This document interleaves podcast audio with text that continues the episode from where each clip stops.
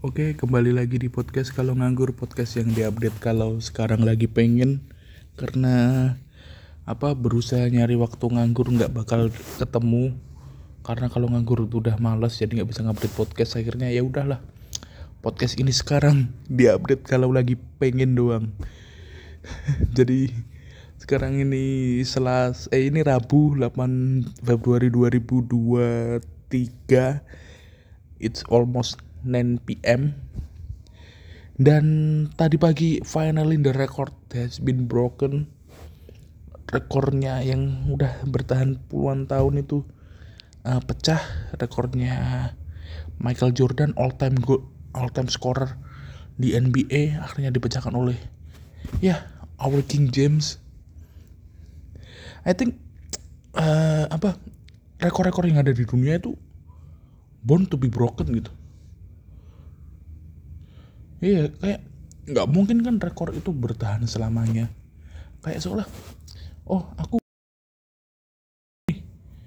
besok aku bikin apa lagi ya? Kan otomatis targetnya udah untuk memecahkan rekor yang kemarin. Ya sama dengan kayak rekor rekor rekor yang ada sekarang. All time goal scorer in all time scorer in NBA dulu Michael Jordan sekarang dipegang sama uh, LeBron James. Ya kita tunggu 10-20 tahun lagi akan ada orang baru yang akan memecahkan rekor tersebut. Kenapa? Karena greatest of all time atau god di olahraga itu seasonal gitu. Nggak mungkin god itu forever nggak mungkin lasting. Kayak di sepak bola aja lah orang-orang debat sekarang godnya siapa? Ronaldo atau Messi? Padahal mereka lupa kalau dulu ada Pele sama Maradona. Di masa setelah Pele sama Maradona sebelum Ronaldo sama Messi ada Ronaldo. Ronaldo Brazil dan Ronaldinho. Itu kan bisa dikatakan God juga. Greatest of all time. Di masa mereka. Karena kalau kita nyari yang all time nggak bakal ada pasti akan ada selalu yang lebih baik. Kenapa? Karena perkembangan zaman. Di zaman sekarang, Pele kalau uh, apa dengan segala teknologi, segala aturan sepak bola yang sekarang berlaku, I think Pele nggak bakal sebagus itu. Oke lah kita katakan Pele punya bakat alam yang bagus, tapi kan di zaman dahulu aturan-aturan tentang sepak bola law of the game-nya itu tidak seberkembang sekarang. Jadi kayak ya udah Pele emang waktu zamannya bagus. Maradona juga waktu zamannya bagus. Kalau Maradona zaman sekarang ya ya dia cuma pemain bagus aja. Maradona kan dulu sensasional karena itu gol tangan Tuhannya kan. Kalau zaman sekarang dia bikin gol tangan Tuhan dicek VAR batal. Oh gelar juara Manchester City aja ada kemungkinan batal apalagi ini cuma gol. Ya kayak sekarang lah kita katakan uh, di sepak bola siapa sih goodnya siapa sih greatest of all time-nya? Ya gampang udah kejawab gitu. Debatnya kan debatnya kan selalu di antara Ronaldo Messi Ronaldo Messi Ronaldo Messi terus. Ya udah Ronaldo bagus Messi juga bagus cuman kita kita nggak tahu kita nggak punya parameter good itu apa. Apakah dia good dari efeknya ke tim atau good dari gelar gelar gelar yang pernah didapat. Kalau kita ceknya dari gelar yang didapat ya udah jelas goodnya itu Messi. Kebuktilah Piala Dunia kemarin. Messi bener-bener kalau bisa dikatain sih uh, di Piala Dunia kemarin Messi gendong Argentina banget itu. Iya kan? Dan Ronaldo di Portugal pun di Piala Dunia terakhir kemarin 2022 Qatar itu ya Ronaldo digendong malahan. Artinya Ronaldo nggak nggak ada kontribusi banyak untuk Portugal dan Portugal pun juga tersingkir lebih dulu. Kalau Messi kemarin kan uh, secara kasar emang bener-bener dia fight karena dia tahu mungkin ini piala dunia terakhirnya. Jadi apa pun ya he give everything. Dan I think he deserve the World Cup trophy.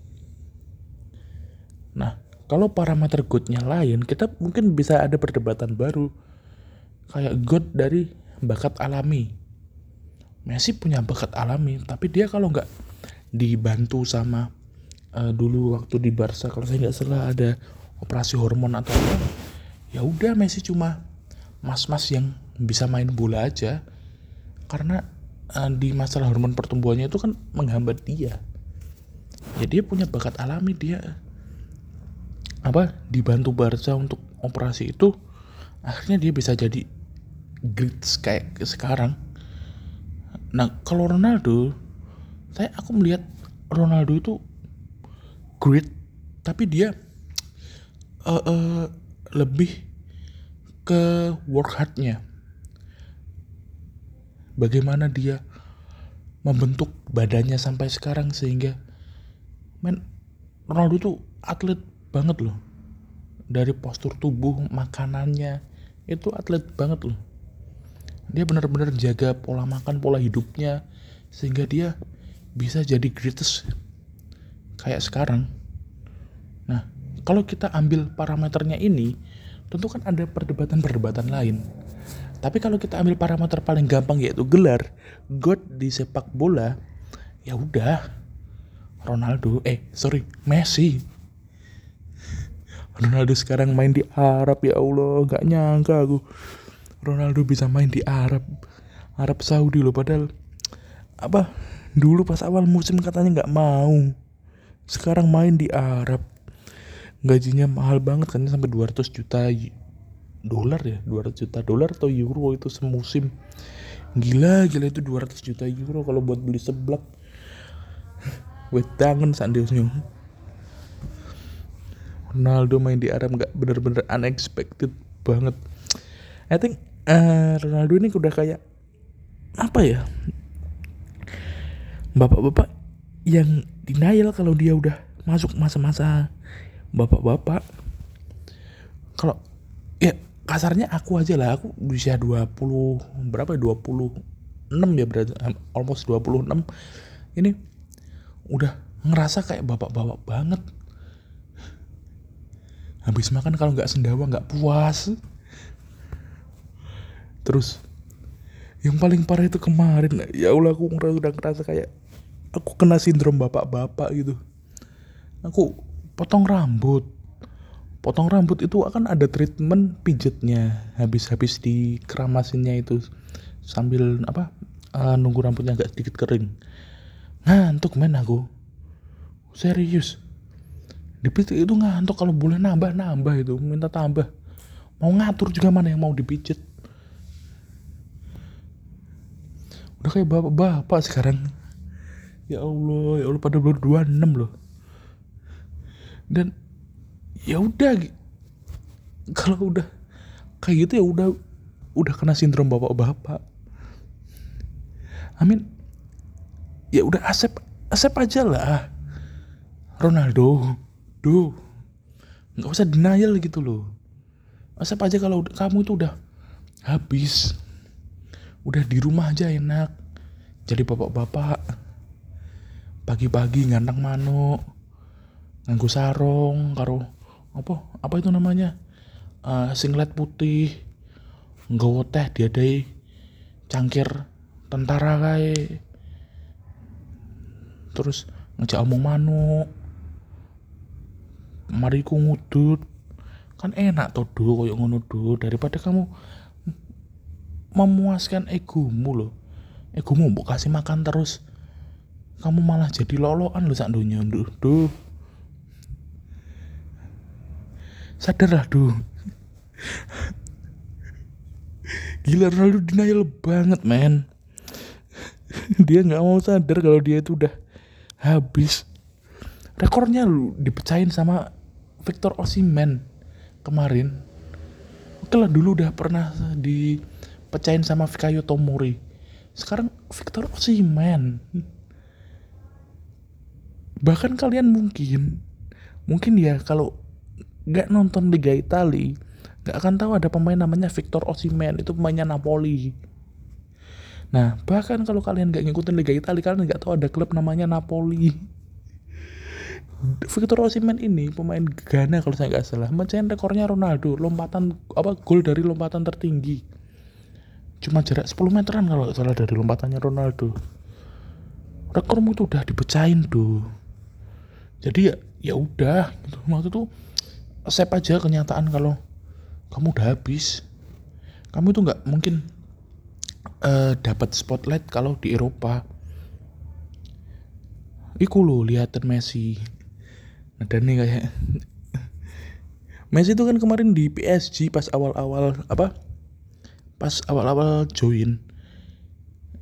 Dia kayak udah sadar kalau di PSG dia nggak mungkin dapat spotlightnya spotlightnya udah ke Mbappe jelas itu Makanya pernah di suatu match Messi itu ketika bikin pagar betis untuk tendangan bebas, Messi itu tiduran. Seorang Messi loh 6 kali balon dior. Treble Euro berapa kali sama Barca.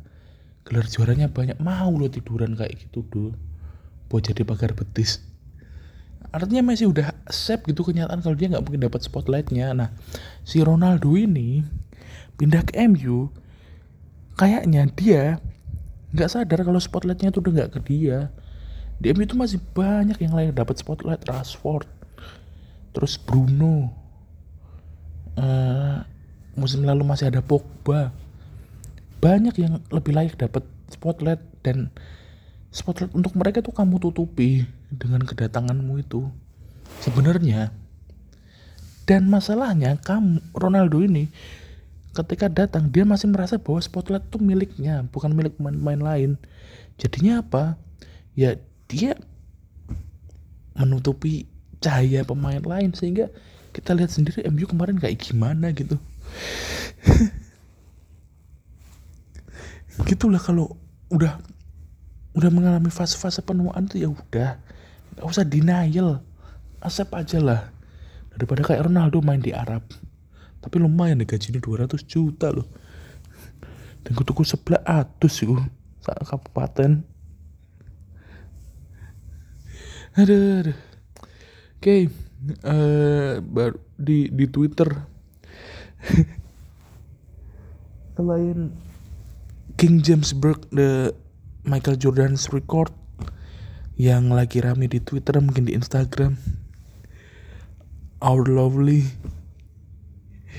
Ya ada seorang influencer gitulah. Kalian tahu sendiri siapa aku nggak mau sebut nama. Ada influencer yang uh, ditanya di salah satu kolom komentarnya. Ditanya apakah uh, kenapa kok di usia yang uh, I think 30 itu lebih muda daripada di yang nanya itu yang usianya 24 dia tanya anti agingnya apa dan dijawabnya anti agingnya adalah nggak punya anak Kenapa? Karena kalau punya anak dia kalau ini aku sedikit ngerekap ya. Nah, sorry kalau uh, mungkin ada part yang ke skip. Tapi kurang lebih gini. Apa? Eh, nggak uh, punya anak itu adalah anti aging yang paling natural. Kenapa? Karena kalau kita nggak punya anak kita bisa tidur 8 jam sehari. Nggak stres dengerin anak-anak teriak. Jadi kita bisa kerja dengan baik sehingga bisa dapat duit buat botox. Ini kan I mean sebenarnya dia tuh mau jawab kurang lebih gini loh. Anti aging biar nggak kelihatan tua itu satu duit. Duitnya buat botox. Artinya anti agingnya itu cuma kaya punya duit. Hanya karena dia punya opini dia punya stand pendapat di apa child free. Sehingga ya apa yang dia perjuangkan itu harus diutarakan terus. Walaupun nggak nyambung. Kenapa gitu kita telah sedikit aja ke salah satu beautiful lady in Indonesia Sophia Lajuba Buat yang belum tahu, Sophia Lajuba tahun ini tuh udah 52 kalau nggak 53. Half century. Sophia Lajuba punya anak Eva Celia Eva Celia kalau nggak salah sekarang Eva Celia udah menikah Sophia Lajuba di usia 50 tahun 52 tahun. Ya Allah man Sophia Lajuba itu aku nggak tahu loh. Kalau misal orang nggak tahu lihat Sophia Lajuba nggak ada yang nyangka dia umur 52 tahun. Sophia Lajuba itu masih kayak apa? Masih kayak umur uh, mendekati 30 30 awal lah anti agingnya apa? Gaya hidup sehat Sophia Lajuba aku pernah baca kalau nggak salah Sophia Lajuba itu nggak makan soto. Ya sedangkan aku dikasih soto apalagi soto Lamongan.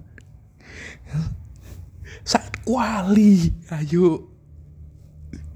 Kayak gini mau kayak Sophia Lajuba jadi pendapat si mbak mbak influencer tadi kalau mengatakan apa uh, not having kid is indeed natural anti aging ya itu nggak valid karena banyak wanita banyak perempuan yang punya anak tapi masih bisa terlihat jauh lebih muda dari usia sebenarnya. Ya karena pola hidup mereka sehat. Ditambah punya duit buat perawatan.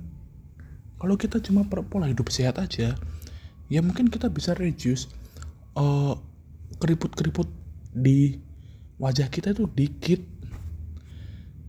Ya oke kita bisa lebih muda, lebih muda tapi cuma satu dua hari doang Nah kalau kita punya uang untuk perawatan ya bisa direnju sampai 2-3 tahun, 10 tahun. Bisa masih seger, kulitnya masih sehat. Yang penting itu pola hidup sehat. Perawatan. Lagian, kalau kita uh, stand sama satu sisi, ya perjuangin aja gitu. Maksudnya nggak apa-apa kalau jenengan itu punya apa punya pendapat untuk memperjuangkan child free silakan tapi ya tidak semua apa yang ditanyakan masyarakat tidak semua komentar tidak semua opini itu harus ada kaitannya sama child free kalau semua opini ada kaitannya sama child free nggak nyambung nanti jadinya oke lah kita katakan child free itu 50-50 ada ada ada plus ada minusnya. Plusnya mungkin saya nggak berani ngomong karena saya nggak punya anak saya belum punya anak dan saya belum menikah. Minusnya juga saya nggak mau ngomong karena saya belum menikah dan belum punya anak. Cuma kalau kita lihat di demografi penduduk saat ini di mana banyak sekali negara yang overpopulated ya I think child free is good there not here. Kita hidup dengan budaya kita sendiri kita hidup dengan norma-norma sosial yang berlaku di kehidupan kita. Jadi ya kalau misal di sini di Indonesia uh, apalagi di kehidupan masyarakat yang saat ini itu belum bisa menerima child free ya udah nggak apa-apa nggak usah dipaksa. Kalau kamu kalau dipaksa terus menerus apa pemahaman child free itu masuk orang-orang jadinya akan enak. Orang-orang jadinya bakal kayak apa ya? Uh, apaan sih child free itu? Kayak seolah malah jadi kontra dengan argumen baik yang dikeluarin jadi ya udah biarin aja sampai masyarakat itu mau dengan senang hati menerima paham-paham tersebut that's why uh, penyebaran agama dulu itu bagus karena tidak dipaksa. Nah sekarang apa pak? Ayo fast, ayo fast, ayo push, push, push. Ya akhirnya bentrok sama bentrok, kepala sama kepala, jadinya pecah.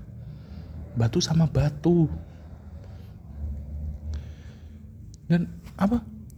Kalau dikatakan anti aging itu salah satunya adalah charge free, ya prove it with jurnal ilmiah with scientific research ada nggak efeknya antara child free dengan wajah yang apa tidak terlihat menua kalau itu ternyata ada penyebabnya ya you have the right point kamu punya bukti kamu punya apa? Argumen yang jelas. Bukan cuma apa uh, atas keinginan untuk menyuarakan child free aja. Dan itu bagus loh sebenarnya. Kita kita bisa apa? Di media sosial kita bisa saling berpendapat kayak gitu. Kayak ya apa pemahaman kita semakin terbuka gitu. Kita nggak selamanya tertutup. Dan I think it's good. Ditambah lagi. Saya itu nggak mau ngomong jelek tapi gimana ya anjir? Banyak. Kita tahu sendiri masyarakat kita ini reaktif itu ketika uh, child free itu keluar akhirnya banyak orang-orang yang ngupload yang posting fotonya dengan harapan bisa ngonter omongannya kita Saf. Aduh sebut nama lagi ya Allah. Uh, omongannya yang tadi udah. Itu tadi anggap aja ke sensor.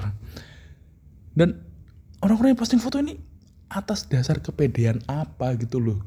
Bisa yakin kalau aduh nggak usah dilanjut ya. I think yeah you know what I'm talking about. Aduh, aduh tapi ya yeah, uh, I'm not stand on child free opinion. I'm stand I'm stand uh, nggak tahu saya nggak tahu mau berada di sisi yang mana. Yang jelas karena uh, belum menikah juga tapi mungkin nanti ketika menikah pembahasan ini akan jadi yang pertama dibahas sih. Karena ya for me mau punya anak atau tidak kalaupun mau punya anak mau punya mau di stop di berapa itu harus berdasarkan mutual agreement. Kenapa? Karena itulah yang kita bakal raise anak-anak kita ini bareng. Tapi kan yang merasakan 9 bulan mengandung yang merasakan sakitnya melahirkan itu kan di pihak perempuan. Jadi kita nggak mungkin bisa semena-mena oh misal aku mau punya anak 35 gitu. Kita nggak mungkin secara sepihak kayak gitu. Tapi ya harus atas berdasarkan mutual agreement gitu. Kita harus setuju dulu dan kalaupun misal di ending sepakatnya child free ya why not?